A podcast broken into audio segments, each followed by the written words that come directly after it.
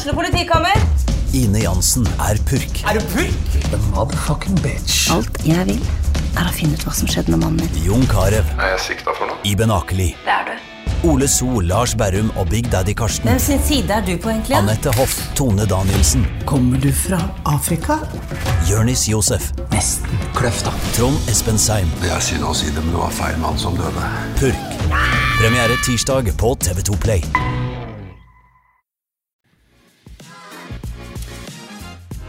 Ja, da er det en ny episode med Til topps med Eimann Og i dag, i dag har vi med oss eh, to, jeg vil si ganske spesielle karer. Ehm, på godt og vondt, men eh, i det siste så er det mest eh, godt. Så velkommen til studio, Mats og Lars Nikolaisen. Eh, gutta bak Team Up Helse og mye annet som vi kommer inn på. Så, Tusen takk. Tusen ja, takk. Hjertelig tusen takk, Ayman. Veldig hyggelig at dere er her i dag. Podkasten her handler jo om eh, mye forskjellig, men hovedsakelig også åssen folk skal kunne bli en mye bedre versjon av seg sjøl og ta livet sitt til neste steg, oppnå sine drømmer, realisere dem, gå for sine mål, til tross for begrensninger og, og andre negative forutsetninger osv. Så, videre. så i dag så har vi lyst til at lytterne og vi skal ha en prat om om deres eh, bakgrunn, eh, for den har vært litt uh, Turbulent. Der har du det. Turbulent. Skikkelig turbulente Det er tider. noe, er noe kontraster, da. Det er noe Fra vi var små til nå, holdt jeg på å si. ja. Det er jo mye du bærer med deg uansett. Men det er som du sier, at det er, handler om å bli en bedre versjon av seg sjøl. ja. Bruke alltid noe positivt. Ja. Da er vi, da er vi mm, on the same page, for å si det sånn. Så mm, alltid fint å bare starte med at dere, istedenfor at jeg skal gjøre det, og så fortell eh, om dere sjøl, egen reise. Eh, jeg kommer bare med noen veldig få korte stikkord, sånn helt i starten. Men altså, dere er jo eh, småbarnsforeldre. Eh, dere er i slutten av 30-åra. Eh, du, Lars, eh, scratcher på 40, eller? eh, Ja, ikke sant? Scratcher på 40. Ja. Så vi har, eh, Lars og jeg, vi har jo gått på skole sammen. Eh, Vi har drevet med litt eh, sprell sammen også. Og, og, og Det er litt surrealistisk å sitte her, da. Det er det, ja. Liksom Sulla rundt på videregående og dreiv med litt, litt av hvert, Ja. er det greit å si. Ja, ikke røp for mye nå, nei, Lars. Nei, Ja. det er greit. og så sitter vi her nå i podkaststudio og skal skravle litt sammen 20 år etterpå. ja. Så det er litt sånn, verden er ikke så stor, altså. Nei, den er ikke det. Jeg husker jo at sist jeg så til deg, var jo eh, rett etter Lena videregående. Jeg skulle til Oxford eh, for å studere. Og Det så skulle ikke jeg, da. Nei. nei. Um, og, så, og så har vi hatt litt eh, brukt den tida, de 20 åra, litt sånn forskjellig. Men, eh, men det har seg sånn at eh, vi har noen overlappende ting vi driver med, så jeg, og det syns jeg er råkult. Um, så jeg nevner bare noen kjappe ting. Eh, dere er jo gutter her fra Gjøvik. Eh, og hatt eh, turbulent eh, bakgrunn, men har også jobbet veldig mye med dere sjøl for å få livet på rett kjør, men samtidig også brukt mye av deres egen erfaring og kraft til å hjelpe andre. Eh, så her eh, er jeg helt sikker på at vi vil kunne få jo frem hvordan man kan bruke egne tanker og seg sjøl for, eh, for, for sin egen del, men også hvordan dere altså har valgt å bruke deres erfaring og kraft til å hjelpe andre. Lars og Mats Nikolaisen, eh, ordet deres eh, fortell oss om deres eget liv og bakgrunn, og åssen dere har kommet dit dere er i dag. Det er litt vanskelig om man skal begynne igjen, da. For det, er jo, det har vært fryktelig mye opp igjennom. Og det er jo ikke gitt at en skulle sitte her i dag i det hele tatt. Mhm. Jeg har hatt, uh, hatt litt flaks i det, tror jeg. eh, gjennom mange år i rusmiljø og, og dårlige valg. Ja. Men vi vokste jo opp på Gjøvik, da. Vi har alltid vært tette, og det er fire år imellom oss. Eh, vi har jo um, vi har hatt det vanskelig sammen, og vi har hatt det bra sammen. Og vi har hatt ryggen til hverandre, og vi har krangla, og vi har gjort det meste som søsken gjør. Ja. Men når rammene rundt uh, er litt utrygge, så blir det jo vanskelig, da. Um, og det var jo eh, litt sånn turbulent rundt vår familie. altså Vi hadde alkoholisme og pillemisbruk. Og det var jo eh, vold i nære relasjoner eh, blant besteforeldre og, og mye støy da, i oppveksten. Eh, og så var det jo den, eh, den Jeg ble utsatt for seksuelle overgrep fra jeg var veldig liten. Mm. Og det var jo ikke familiært. Det var jo nabo. Mm. Og dette har vi jo snakka litt om i podkasten vår òg, at den, den fysiske naboen som jeg hadde når jeg var liten, den er på alle sosiale medier og rundt overalt i dag. Du har den i lomma vet du, med telefon. Ja. Og det er litt skremmende. Mm. Mm. Bare for å forstå det rett, også, det, det dere sier er at uh, før så måtte det være noen som bor i nærheten og har fysisk tilgang. Mm. Men nå fins dessverre sånne muligheter via telefoner og sosiale medier og andre plattformer. Mm. Det gjelder ikke bare sånne ting, men det gjelder dette med rus og alt mulig. Det er Tilgjengelighet er blitt helt annerledes. og Det er mye lettere å komme inn på sånne ting. da. Så lenge du går med telefonen i lomma, så har du, har du alt Mm. med deg.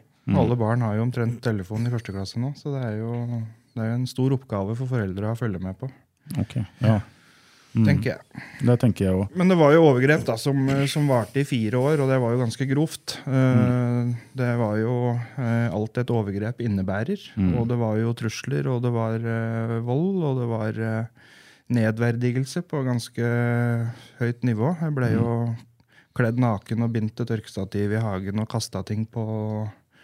Og det var jo, han hadde jo venner på besøk, og, så det var eh, Eh, ganske tøffe år. Og når du er liten, så har du jo ikke noe språk for vonde følelser. Du har ikke eh, lært deg noen måter å uttrykke, eh, uttrykke deg på. Eh, og du er redd da, for å miste alt du har rundt deg, og miste foreldra dine. Og, og overgripere veit jo stort sett ofte hva de skal si da, for å holde dette hemmelig. Mm. Og du har ikke så mye å stille opp med når du er eh, liten. Og ehm, dette har prega meg hele, hele barndommen. eh, Og mamma sa jo til meg en gang at hun orka jo ikke ha barnebilder oppå meg på veggen, for hun så sorgen. da. Eller hun så I etterkant så ser hun på en måte at jeg ikke var noe glad gutt. Ehm, og etter fire år med ganske grove overgrep, så, så prøvde han jo seg på, på lillebror òg. Mhm. Mm. Og det var jo litt av den eh, greia som gjorde at dette her ble oppdaga, egentlig. Ja. Mm. Hun var på stellebordet om kvelden og så begynte å gestikulere med penis og likt. da, Tre år gammel. Du skal ikke kunne av det når du er tre år. Nei, Så selvfølgelig ikke. da skjønte mamma det. Ok, Så det var sånn det Så jeg trakk av pusten dypt Mm. og sa navnet hans Lars, og da Og kom det overgriperen ba jo, ba jo med seg Mats da, opp uh, en dag. Og da mm, når han låste seg inne på badet med Mats og satte meg på rommet ved siden av, så skjønte jeg jo hva som uh, var i ferd med å skje. da. Mm. Og da ble det ganske kaotisk oppi, oppi der når, når jeg på åtte prøver å hamle opp med en voksen mann og skal komme meg inn der, og han skal prøve å komme seg ut. Mm. Og, og han etter hvert klarer å komme seg ut av huset, da, og, og, og jeg er igjen og, og får smake av det, holdt jeg på å si. Um, så, så var jeg kjemperedd for å dra hjem, for jeg Mm. var redd for at nå, nå blir dette her avdekt. Og vi var bekymra for hverandre, og, og hvordan- blir livet nå? Mm. For da var du Um, åtte, og så var Mats fire år. Ja. Så um, i løpet av den kvelden da, så ble det oppdaga, og da Da var katten ute av sekken. da. Mm. Og dette setter jo i gang ganske mye. Ja. Mm. Um, et spørsmål som jeg tenker på mens dere forteller det her, er um, altså Kort innpå. Det er jo eh, en nabo som antageligvis hadde noen form for relasjon og tillit, ikke bare til dere i starten, Mm. som han misbrukte, men det er familien òg, kanskje? Mm. Han var eh, Utad, trivelig, trivelig utad så kar. var det jo Mm. var det ikke noe galt, holdt jeg på å si. Mm. Han var jo en kjempefin fyr, og var ingen som hadde reagert på noe i nabolaget. eller noen ting. Mm. Og Grunnen til at jeg spør dette, her er jo altså, Jeg syns det er veldig greit at vi starter eh, allerede der. Altså, dette er jo starten på livet deres, som har prega dere opp gjennom åra. Mm. Og preger fortsatt. Og preger selvfølgelig, eh, det er klart. Men så, for de som lytter, for det har altså Dere beskriver jo en nabo som er veldig hyggelig og trivelig utad. og sånt. Eh, Dere har kanskje også gjort noen undersøkelser rundt om er dette en sånn typisk atferd som en kan forvente fra en overgriper? Altså, Så dette er jo veldig vanskelig, da. Fordi folk er folk, holdt jeg på å si. Men, mm. men i, i hans tilfelle så var han jo veldig på tilbudssida, da. Og han var jo veldig interessert i å ha med liksom for meg for eksempel, opp i hagen for å spille fotball. Han visste at jeg var fotballinteressert. Og, og så kan man jo tenke i ettertid da, at eh, hvor vanlig er det å, å be opp naboungen på, på fire år hele tida, liksom, for å leke. Ja. Så, men det tenker man jo ikke der og da. Altså, man tror jo det beste om folk. Og, Ja. For Formålet mitt med spørsmålet er jo om, det er noen varsellamper som, eh, som bør i hvert fall tikke, eh, uten at en drar noen konklusjoner. For eh, jeg har jo egne barn, dere har jo barn sjøl. Eh, de fleste som hører på, har barn eller kommer til å få barn. og det er, det, det er jo den største skrekken at et barn, uansett hvem det er, og spesielt hvis det er sitt eget, skal altså, komme ut for noe sånt. Og så er det greit å bare ha noen referanser på noen sånne, sånne varsellamper. Jeg jeg, tror, jeg tror at på den tida så skulle alt dysses ned. Ja. Ikke sant? Eh, det er som vi prater på at de som blir tatt av overgripere og sånn i dag, ikke sant? de har jo ofte overgriperbilder på telefon og sånne ting. Det var ikke sånne ting da. Så jeg tror det at, uh, at alt skulle dysses ned. Jeg tror ikke det kom noe sånn veldig faresignal på den tida. Jeg tror det er lettere å fange opp noen signaler nå i dag enn det var på den tida. Ja. Og så er det jo så, sånn sett i etterkant, så er det Jeg tror vi skal være litt forsiktige med å være for naive. altså Både i forhold til idrettslag, trenere, mm. folk som jobber i barnehage. Jeg tror man må være nøye på dette med, med politiattester, for det første. Og gjøre god research på folk og, og bakgrunn og litt sånne ting. Og så tror jeg du skal ha litt sånn varsellampene ute hvis øh, øh, nabomannen, holdt jeg på å si, eh, ønsker å bruke veldig mye tid med barnet ditt, og sånn, så er det greit også å komme litt eh, i dialog og spørre litt hva dette her handler om. liksom, og hva Har du ikke egne barn, eller hva, Ja. hva handler dette her om? liksom? Ja. Ja. Akkurat det jeg tenkte på uh, når jeg stiller det spørsmålet. For jeg vet jo at småbarnsforeldre, er det noe vi vet, så er det alltid knapphet på tid, og det er alltid godt å få litt pusterom. Mm. men ikke la det pusterommet bli ordentlig skrekken. Um, og så skal en samtidig ikke begynne å gå rundt og så få mistro til alle rundt seg. ikke Nei, for det er faren. Ja. Men samtidig, det er noe med å ha med seg i huet her. da. Mm. Ha litt følere ute. Mm. tenker Være interessert i hva barnet ditt driver med. da. Ja. Ikke bare tenke at nå skal jeg ha en pause og ligge på sofaen, for nå er jo naboen med ungen min, så da slipper jeg å, å Da får jeg liksom ta en liten timeout. Mønsteret òg, tror jeg. Ikke Ja. sant? Sånn som du tilbringte mye tid oppe i hagen og mye tid inne Mm. hos han. Mm. Det er Gjentagelse. liksom- ja, gjentagelse, sånn samme, Ja. samme aktivitet. Ja. Og, og til dette som dere sa i stad, også eh, er katta ute av sekken. Hva skjer? Ja, det som skjer, er jo at uh, BUP og de tinga der ble kobla på. Men jeg ble jo livende redd. da. Eh, Jeg var jo kanskje mer bevisst på hva som skjedde enn Mats pga. alder. da. Altså, Ja. Det er forskjell på åtte og fire. Da begynner du å skjønne litt mer hva som skjer, men samtidig så skjønner du ikke hva som skjer. Um, så jeg hadde jo en sånn raseriutbrudd, og jeg hadde jo trusla til overgriperen med meg i bakhuet om hva som kom til å skje med meg hvis dette kom ut. Uh, og, men jeg hadde jo ikke noe valg. Jeg måtte jo opp på, på BUP og gjøre undersøkelser, både fysisk og psykisk, si, for å bekrefte eller avkrefte overgrep. Ja. Og det ble jo bekrefta. Um, og det ble jo en prosess, men um, um, jeg stamma uh, veldig i forkant og hadde ikke så mye språk. Og så slutta jeg å stamme uh, når overgrepet ble avdekka. Okay. Um, og så, men jeg hadde ikke utvikla noe sånn godt språk for å, å prate om åssen jeg hadde det og åssen jeg følte det. Og sånne ting. Og så redselen gjorde at jeg fikk veldig mye sånne uh, aggresjonsanfall, eller sånn sinneanfall. da, Ja. Og gikk i lås. Fordi du, du det er, man har plutselig masse som skjer rundt deg. Psykologer, og det er behandlere, og det er undersøkelser, og det er alt. Og så står du midt oppi noe som du ikke forstår konturene av, liksom. Ja. Ja. Når du sier 'går i lås', det er en slags kortslutning? Ja. Ja. Ja. Ferdig. ja. Ja. Um, Og det var nok mye som slapp av sånn frykt gjennom fire år. ja. Og så klarer du ikke å si noe om det, og så blir du jævlig sint. uh, uten at du vet hvorfor du er sint. Ja, eh, jeg- jeg kjenner jo sikkert så mange andre på en sånn wow, altså dette er eh, altså i ettertid å, å kunne ha dere her eh, som to voksne gutter og vite at det er eh, tilsynelatende gått såpass bra. Eh, men jeg kjenner jo samtidig på Det er en del av meg, en sofistikert person som jeg ønsker å være. En slags aggresjon som trigger i kroppen, hvor jeg blir ordentlig sint på deres vegne. Jeg er sånn trist sint. sånn jeg bare Jeg husker en episode i etterkant av dette her òg. Vi, vi lekte ofte for, som bilverksted overfor huset. mm. Så lagde de så store snøver, så vi lekte der på vinteren. Mm. Så skulle jeg ned på do. Og når jeg kommer ut at da, så står han nabogutten med en tohjuling ned på Lars står oppå på haugen, og han later som han skal kjøre på han kjører opp haugen og kjører på Lars. da. Så jeg husker jeg står bare nede i portåpningen og tør ikke å gå opp. ikke sant? mm. Og så drar han bare. da. Men det var sånn der stikk hele tida innimellom. Hørte etter meg på skoleveien. Og, Ok. Ja. Gikk skikkelig inn for dette her, ja.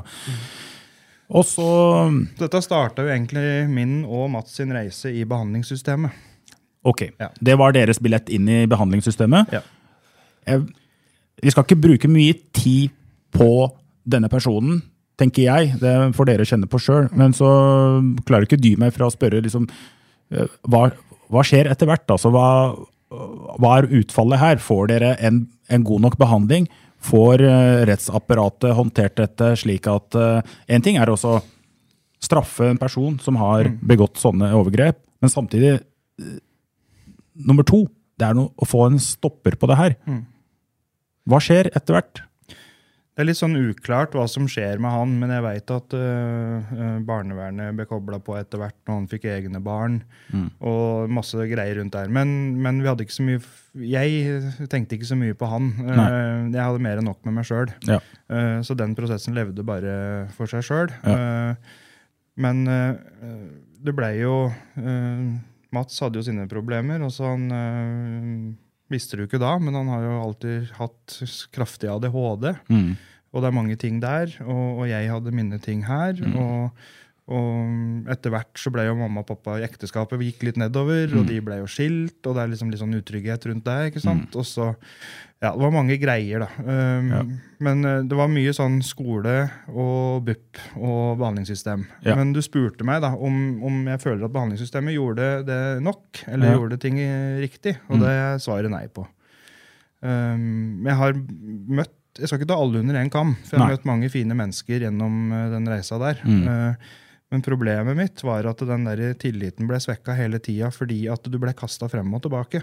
Ja. Uh, og folk slutta, og du bytta behandler, og du skulle møte en ny psykolog, og du skulle inn i et nytt samtalerom. Mm.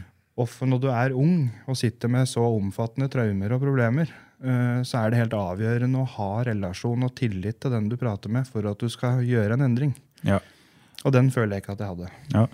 Rett og slett en kontinuitet i en relasjon, sånn at du tør å la dem jobbe dypt nok, sånn at du får bearbeida. Det tar jo tid vet du, å bygge en god relasjon. Det Ja. gjør det i, nå i voksen alder. Og det. Ja, absolutt. Altså i alle, I alle faser, og dette vet sikkert du mye om òg. Det tar tid å bygge relasjoner og tillit. Ja, det gjør jo det. Og så tenker jeg altså i forhold til Relasjoner kan brukes til mye, men når du skal bruke en sånn relasjon til å eh, jobbe med noe så mm, kraftig og, og som har prega så mye, så trenger du i hvert fall en veldig trygg, god relasjon over tid. Um, så det var ikke den beste opplevelsen sånn uh, sett ifra La oss si, kalle brukersiden, hvis det er lov å si det. Uh, men uh, så klar oppfordring fra dere, da, eh, som har vært på den siden av bordet i forhold til systemet. Altså, dere nevner jo allerede så det er relasjoner, men altså, hvis det er tre ting som BUP og barnevernet og apparatet kan bli mye bedre på, hva, hva, hva tenker dere på da? Skal legge en, eh, en eh, plan over tid Mm. og ha eh, et visst, eh, eller, mm, visst antall mennesker inn i det forløpet. Mm. eh, og prøve å sikre den kontinuiteten. eh, og skape det trygge rommet, eller den tilliten og relasjonen som trengs. da, Mm. for at den, fordi at Hvis du må repetere historien din for tredje gang, Mm. så går lufta litt ut av deg, og så orker du ikke å sitte og prate om det mer. Nei. Og så kommer du ikke noe videre. For da, du, da lever du i repetisjon. Ja. Ja. Forstår. Og så, som dere sier, livet stopper ikke der. Det, ikke, det blir ikke den ene episoden. Det er sånn som det er, dessverre. Altså, det kommer andre ting inn i livet. Man kommer sjøl i puberteten. Det er skole, det er venner, det er kjærester, det er familiære ting. Hvor går eh, Hva skjer neste, da? Altså, dere får i hvert fall avstand til denne overgriperen, vil jeg tro. Og så derifra er det skoler, det er uh, Gjennomføre og fullføre skole og sånn, begge to. Mm. Men har utfordringer, da. Mm. Ja. Sliter med utfordringer. Jeg Ja. sliter veldig mye med sinne. Altså, når jeg utreder meg for ADHD, i voksen alder sjøl, ja. så um, var det ikke noe tvil. Jeg var 26. Det var ikke noen tvil om at jeg har hatt det i 26 år. Mm. Og når jeg sa det til min eh, mor, så sa jo hun det at ja, jeg visste det, jeg, men jeg skulle utrede jeg var 14-15 år, men da skjedde det for mye i livet ditt at jeg ville ikke gjøre det. Okay, Ja. Og da jeg liksom scora jeg høyest på temperament og angst da, den gangen. Mm. Så det har jo liksom vært en sånn uh, greie støtt, og det sliter med det alltid. Ja. Men når du nevner uh, sinne og aggresjon og temperament Dere er jo ikke noen små gutter. altså Det å beherske sitt temperament, det Det ble verre og verre. Og det blei en sånn, derre- en sånn etter hvert da, en sånn måte for å prøve å ta over kontrollen i ditt eget liv. Ja. Og så du har blitt nedverdiga på det groveste, og du har blitt tråkka på, og du har blitt strippa for alt uh, av sjøltillit og sjølbilde og selvverd. da. Mm. Og i hvert fall for min del så, så fra ungdomsskolen og over i videregående og sånn, så begynte jeg å gå inn i alvorlige depresjoner, egentlig. Og prøvde å opprettholde på en måte det sosiale på skolen og sånn, men det er jo dritvanskelig å gå rundt med masker hele tida. Ja.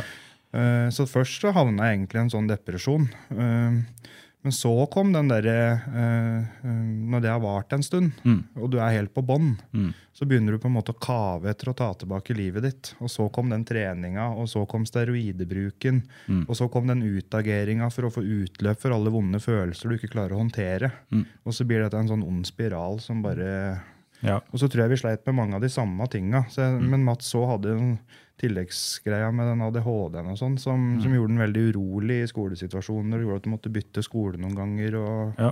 Sleit liksom med det skolefaglige òg, da. Ja. Så, Du slapp det litt, du, da? Jeg har aldri vært noen teoretiker. sånn Nei. Skoleflink. Nei. Jeg har styrken er andre steder. Jeg er jo den som tror at vi har mange former for intelligens. og eh, skoleintelligens, eh, menneskeintelligens, eh, sosial intelligens, eh, fotballintelligens, altså ballintelligens, mm. etc. Og, og det er jo litt av det jeg ønsker at vi skal også oppnå med å, å ha denne podkasten. For jeg, jeg vil jo veldig gjerne at folk skal finne hva de er rågode på, og, så, og som de elsker å bruke. For det, hvis en gjør det, så tror jeg en kommer ganske langt. Det kommer jo litt at vi har jo feila noen ganger, gått på ræva noen ganger og sånn, men Mm. altså, du må jo ta lærdom, da. I, Ja. altså, dette gjelder jo i livet generelt. altså Nå har vi jo, har vi jo vært på den behandlingssida, vi har vært igjennom der vi har vært igjennom, Mm. men altså, hva er det du hva, hva er det du vil bli, eller hva er Mm. det du vil For det, det nytter ikke å bare følge i det sporet der, for da, da får du ikke blitt noen ting, holdt jeg på å si. Nei. Nei. Så du må jo på et eller annet tidspunkt eh, se en annen vei. Ja. Og da, når du plutselig da er voksen og skal begynne å gå en annen vei, så er det naturlig at du prøver å feile. Du går på ræva noen ganger. Ja. Men eh, det handler ikke om hvor mange ganger du går på ræva, men det handler om hvor mange ganger du prøver. Ja, absolutt. Jeg er helt enig.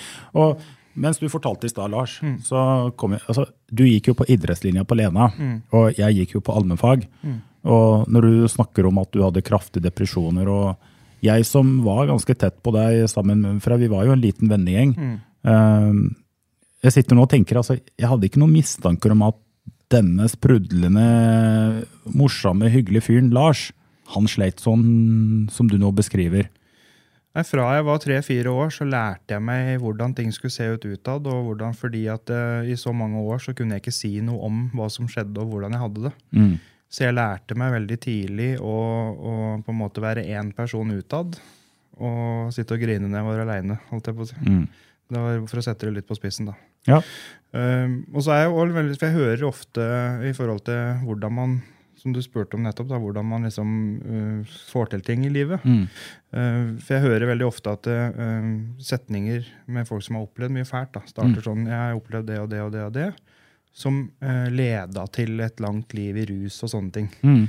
Og det er jeg Og da, det, jeg skjønner det. Uh, Men jeg er litt mer opptatt av at Jeg er litt forsiktig da, med å Mm. si det, fordi at du har noen egne valg på veien. Eh, du, du, du kan ikke bare si at ja, men jeg har opplevd det, Mm. så jeg ble rusmisbruker. Ja. Det blir for lett. Du Det kan ikke bruke det som Ja. unnskyldning til å være dårlig. Nei. Nei. Du, alle har det i seg. Ja. Du må bare finne det fram. Ja. Alle har de ressursene, alle har det, den greia Ja. de kan hente fram. Men så skjønner jeg jo, og vi skjønner, at eh, masse sånne traumatiske, dårlige opplevelser og vanskelig oppvekst og alle sånne ting kan gjøre deg motløs og deprimert og angstfull og de tinga som gjør at du tyr til Men du tyr jo eh, til den enkle utveien egentlig for å dempe alt du sitter med. Ja. Og det er det mange som gjør, og det forstår jeg at de gjør. Mm. Men jeg har lært i ettertid Mm. at jeg kan ikke bare skylde på det, fordi uh, min reise ut på skråplanet Mm. havna om en rekke dårlige valg som Ja. jeg sjøl gjorde. Mm. Veld, veldig interessant. Altså Det jeg hører dere to sier, da, det er altså Man skal ikke gå i den fella at, altså at man lever etter det her årsak-virkning. Eh, Fordi dette skjedde, så har jeg blitt sånn. For at noen sa det, så har jeg gjort Ja. det. Eh, det er det ene. Altså eh, vil jeg gjerne, før vi fordi dette her med at vi har den evnen til å ta egne valg. For jeg, jeg tenker også Med det som dere har opplevd, så blir det veldig vanskelig å skulle forestille seg at det er noe man bare preller av seg og tenker nei, dette her skal jeg ikke la påvirke meg. Jeg skal fortsatt bli den beste borgeren, og jeg skal gjøre bare det ultimat gode. Um, nå sitter vi jo her og vet at dere har jo klart å snu en negativ trend og mange dårlige valg. Um, fortell om hvordan det gikk fra eh, depresjoner og på skolen og de vanskelighetene til Du nevnte så vidt, Lars, i stad, steroider, også rus. Så jeg er veldig interessert om vi kunne gått inn på altså, Når begynte dette med rus, steroider? Hvorfor? Hvorfor i alle dager, når du allerede hadde så mye som ikke gikk veien for dere, og så putter man på noe som Jeg kjenner jo deg såpass, jeg vet at du er klok nok når du var 16 og 17 år. Og det jeg kjenner av deg, Lars, så vet jeg at du var klok nok på den tida til å forstå at steroider, rus, det er ikke bra. Men, Men du hadde- dytta det i kroppen. Mm, men jeg hadde ikke sånne som, eh, som meg og Mats, for eksempel. Det er flere av oss, da, det er mange som jobber med dette her. Men, men jeg hadde ikke, vi hadde ikke den veiledninga, så vi starta i feil ende. Vi starta på utsida i stedet for å starte på innsida. Så er det noe med dette akkurat du sa, da. At når du har vært igjennom sånn, så kan du unnskylde deg med at du har en par år ute på skråplanet fordi du har fordi du har opplevd det og det. da. Fordi Mm. det har jo vært sånn og sånn. Men uh, jeg føler meg i hvert fall over gjennomsnittet sterk i psyken. da. Altså, Du har brukt, brukt alt sammen til Mm. å bli sterk i psyken. At det skal fryktelig mye til nå for å knekke meg psykisk. Ok. Altså, det er jo Det fins jo ikke noe som kan komme imot meg nå som gjør det at jeg, jeg legger meg ned og bare sier at nå er det over. Du er herda. Ja, ja, ja. Men det er fordi du tør å ta jobben med deg sjøl. Ja. Ja, ok. Fordi du blir- du blir ikke herda av å løpe fra problemene dine. Du Nei. blir ikke herda av å lukke øya og snu deg og gå andre veien. Nei. Ja. Du blir herda av å tørre å gå inn i prosessen, tørre å gå inn i deg sjøl, tørre å jobbe med deg sjøl, og ikke minst tørre å slippe andre mennesker inn i livet ditt som kan ha en positiv innvirkning på, på ditt liv. Ja. Men det tok dere litt tid før dere kom dit. Ja. Ikke sant? Fordi jeg tenker at noen sitter også Hvis vi tar dette her til et annet domene. Sitter og har allerede ganske mye problemer, sliter med å betale alle fakturaene sine, har ikke noe rusproblem, har ikke masse traumer, men de sliter med økonomien. De sliter med at eh, de tar ikke de rette valgene for seg sjøl. Men det de gjør, er at de kanskje ikke tar opp telefonen og snakker med en kompis som kan veldig mye om dette her. Men de bare dytter i seg fakturene, og problemet bare vokser, og så klarer de å, å forsterke det problemet. Og det er liksom jeg ser her at det kan være noen ganger en trend til at sånn som i deres tilfelle, så er det allerede ganske ille i, i oppveksten. Og så klarer man å dytte på steroider og rus, og det byr jo da på et nytt miljø som forsterker. Uh, Det er sterke kontraster i samfunnet òg. ja. Fordi det er tabu og skam på den ene sida, Mm. og så er det fasade og, og det å prestere på andre sida.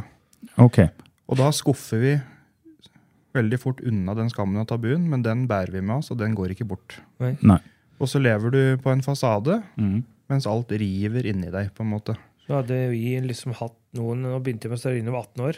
Og hadde vi hatt noen når jeg var på den alderen, hadde hatt noen som liksom Sånn som vi er nå. Ja. Hadde vi hatt noen som kunne fortalt oss konsekvensene av det. For når du er 18 år gammel, så føler du at du er helt uovervinnelig. ikke sant? Mm. At det er ingenting som får ødelagt deg, og ingenting som får skada deg. eller noen ting. Ja.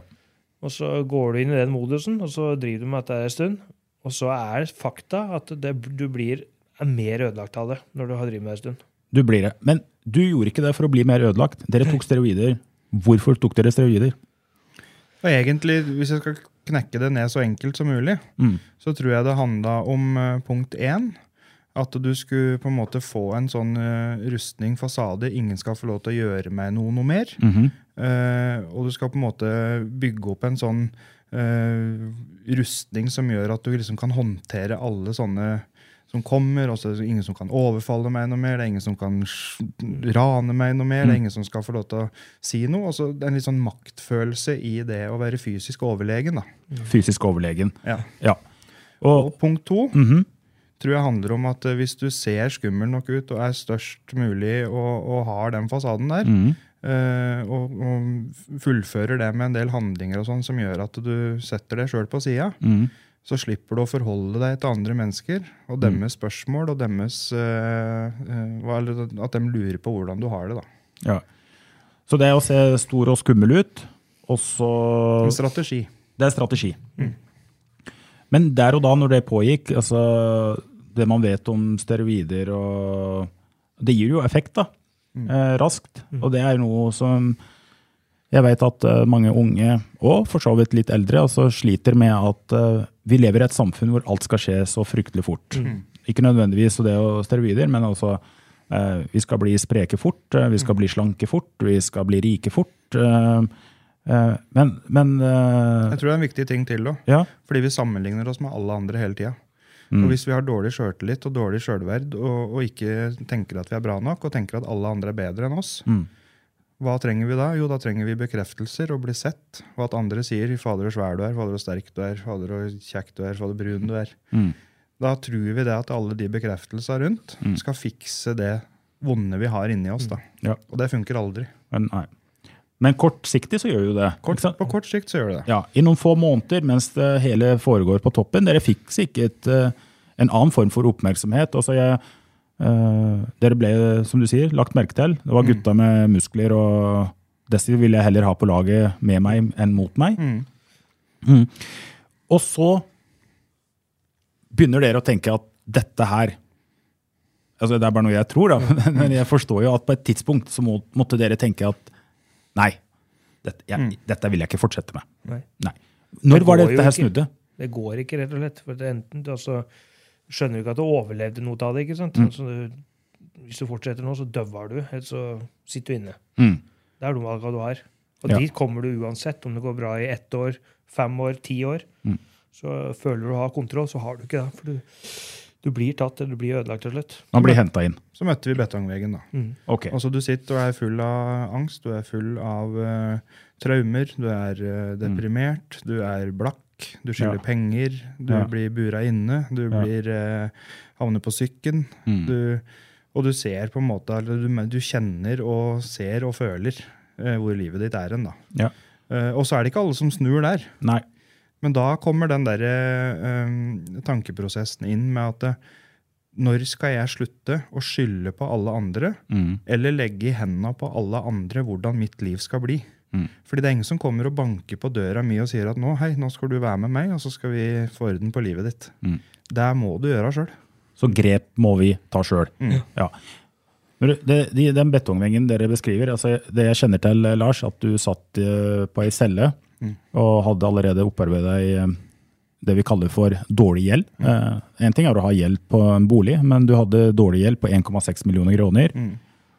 Og, og ting begynte å skje. Det var liksom kanskje et slags eh, vendepunkt. eh, Og, Og vi snakka mye sammen. ja, Skal vi dø sammen i dette miljøet her, eller skal vi prøve vi å hjelpe hverandre ut av det? Helt ifra vi var små, så har vi vært så close som vi er nå. Mm. Og folk reagerer litt på det. De skjønner ikke at det, som brødre kan Vi gjør jo alt sammen. Altså ferier og Mm. turer og alt er vi sammen. Og ungene våre er jo som søsken, ikke søskenbarn. mm, Så det er jo litt sånn, men eh, vi var igjennom alltid sammen. Og Ja. jeg hadde den perioden når jeg var ung, hvor Lars liksom drev, begynte med sitt da, på videregående skole, og Mm. begynte med steroider og sånn før meg. Men da var det sånn, når jeg var utagerende hjemme, så var det han som kom. Mamma Mm. ringte han. Så han måtte komme hjem og ta meg, liksom. Ja, det, det er mange måter å bygge tett eh, relasjon Ja. eh, søsken imellom. Men, Sånn var det. Det Ja. har det vært i alle år. Ja, så dere har vært gjennom tynt og tykt, ikke sant? Og så, men da forstår jeg litt, da, fordi det jeg er interessert i å forstå bedre, det er hva kan vi lære av deres historie i forhold til det å snu en negativ trend i våre egne liv? Eller i vår egen bedrift. Også når vi har tatt mange nok dumme valg, så vil vi på et tidspunkt få virkelig smake det. Vi vil møte veggen, vi vil møte det ene og det andre. Og så er spørsmålet hva har dere lært, hva, hva lærer dere andre ungdommer dere jobber med i Team Up Helse, som dere driver i dag, for å kunne snu mange dumme valg over tid? Jeg tror at eh, du må tørre å, å granske deg sjøl litt, og det, det trenger du litt hjelp med. Mm. Også fordi at eh, hvis Når alle tankene surrer i ditt eget hode, så klarer du ikke å sortere det på egen hånd. No. Ønsket og viljen må starte fra deg sjøl, og Ja. så må du tørre å være villig til å ta imot innspill fra andre for å sortere og få litt grep på hva som foregår Mm. i huet ditt. For det, det er vanskelig på egen hånd. Det er det, ja. Ja. ja for det, noen hører på og tenker sjøl oi, her har jeg noe å lære sjøl. Men så er det helt sikkert noen som tenker jeg har en eller annen ungdom hjemme, gutt eller jente. Mm. Og hva kan jeg gjøre som foreldre? Hva kan jeg gjøre som bestemor? Hva kan jeg gjøre som tante? Jeg bryr meg skikkelig om denne personen. Jeg tror i hvert fall at Hvis du skal jobbe med, med utfordringene dine og problemene dine eh, En del av den granskinga er å, å tørre å gå i den materien at hvorfor jeg tok de valga jeg gjorde. Fordi eh, valget skjer, eh, kan kjennes ut som skjer impulsivt. Men den prosessen har kanskje starta lang tid i forveien.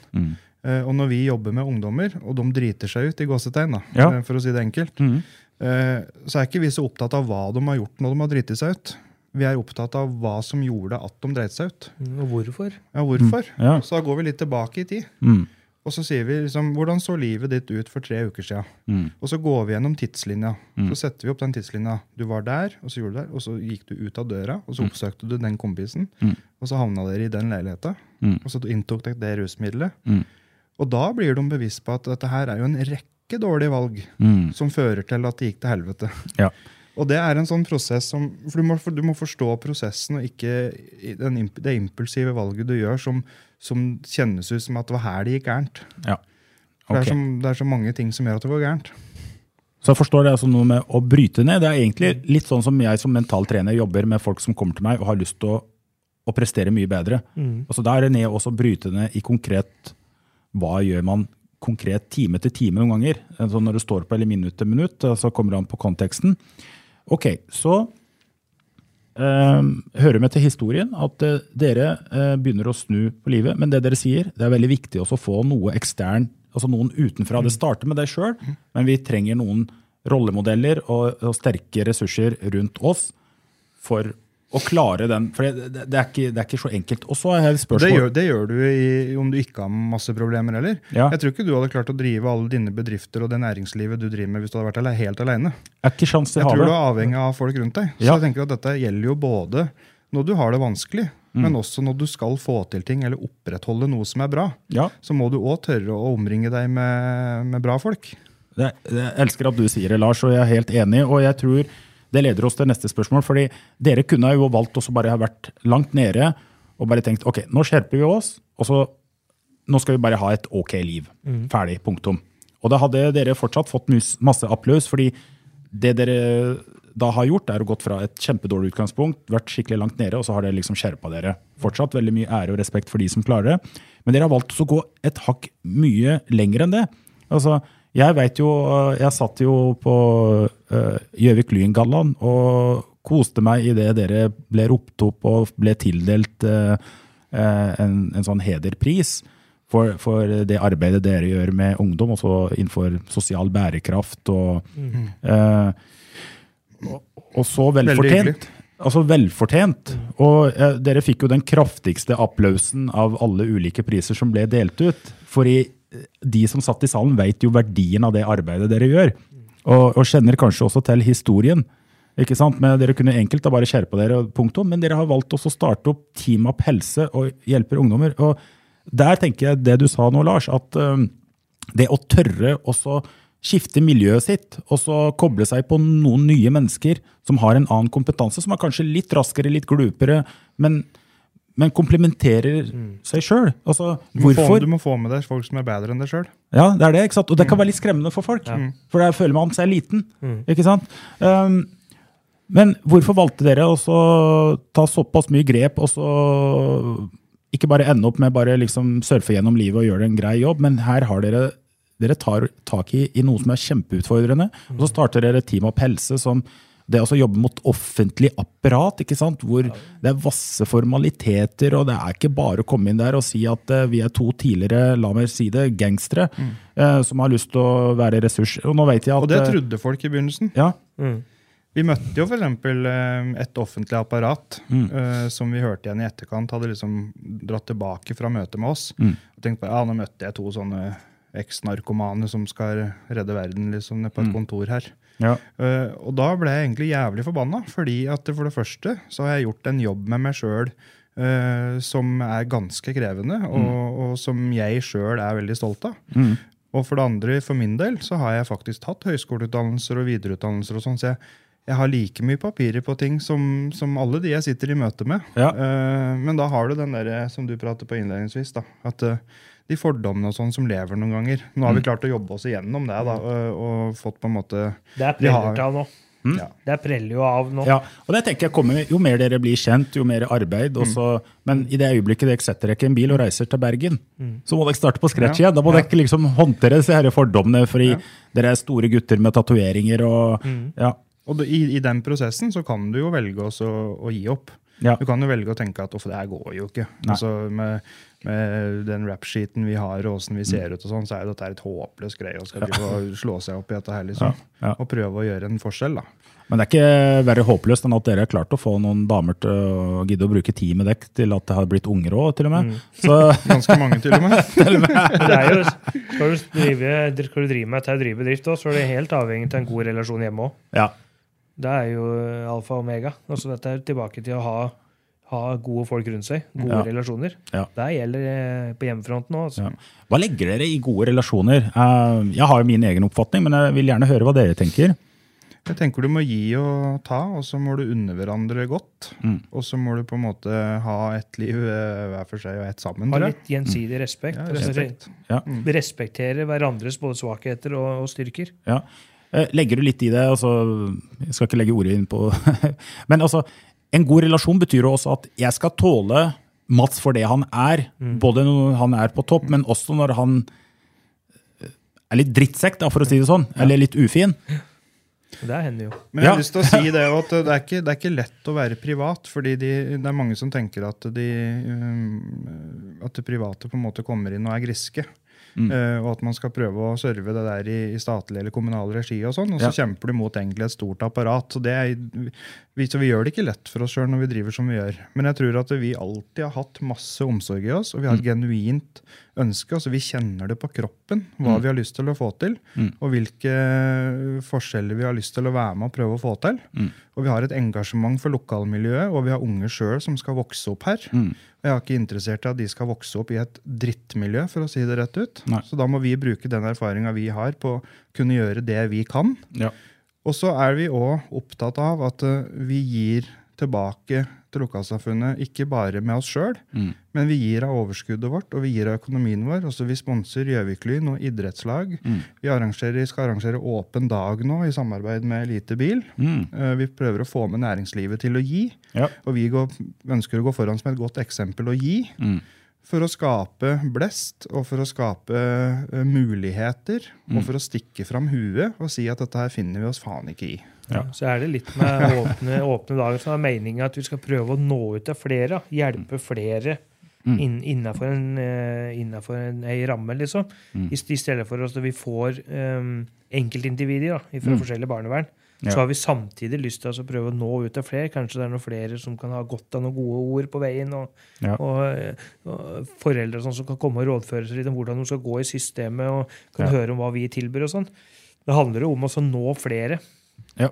Og podkasten vår så, er et eksempel på det. Ja. Den starta vi jo fordi at det kanskje det kan være eh, interessant for folk å lytte litt hva vi driver med i hverdagen, hvem vi er. Kanskje vi kan slenge ut noe gratis råd og veiledning. Kanskje Mm. Ja. Mm. folk kan sende inn spørsmål og få svar, og det koster dem ingenting. Podkasten heter da Team Up Podcast. Team Up Podcast, og den finner man på alle typiske podkastflater. Ja. Ja. Og der er jo en Espen Haug viktig for oss. Han Espen, eh, eller Haug Consulting, da, for det er han som står som produsent der, og han er med i mange prosesser av det vi driver med, og er veldig innovativ og, og hjelper oss veldig for å nå Ja. ut til folk. da. For da kan han gjøre det han er god på, sånn at dere kan være gode på det dere skal være gode på. Og, og det, det liker jeg. Vi, vi beveger oss mot slutten av denne episoden her, og jeg kjenner det er mange ting jeg fortsatt har lyst til, og kanskje vi møtes igjen. Eh, Men jeg tenker, jeg må bare si mens jeg hører på dere, så er det klart at hvis det er noen i den aldersgruppen som jeg bryr meg om, så, så kjenner jeg at jeg vil, jeg vil jo at de skal møte dere. Jeg vil at de skal få hjelp av nettopp dere. For én ting er at dere har den akademiske bakgrunn, også, men dere har også den reisen, og dere har det engasjementet som jeg eh, tydelig kan observere nå her i studio. Når dere snakker om dette her, dere virker jo genuint interessert i å bruke alt det dere har vært gjennom, både på godt og vondt, og alt den utdannelsen og kompetansen, til å være med og gjøre muligheten bedre for de unge som da har havna litt på skjøret.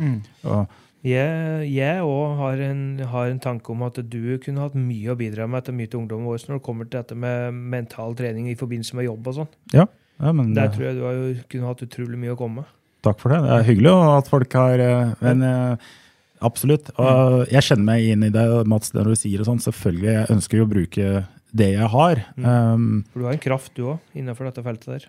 Jo, takk for det. Det, er nettopp det. Altså, det. Det er jo mange måter også skal livnære seg på, men det å klare å finne den der muligheten som vi har vært så heldige til å gjøre, at eh, en kan livnære seg, men selvfølgelig vite også at jeg har hatt en impact, jeg har hatt en påvirkning på noen menneskets liv, også i, i ganske avgjørende, sårbare eh, situasjoner, men også kanskje i, i noen øyeblikk hvor jeg jobber også med en del folk som skal stå mellom og ta to gode valg, men de er litt usikre på hva som er best for dem i lengden.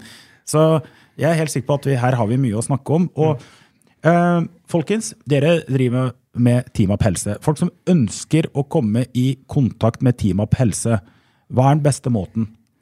Vi har en hjemmeside som er www.teamuphelse.no. Eh, Der, er vi- der står all kontaktinfo, der står telefonnummeret, der står mailer, der står alt.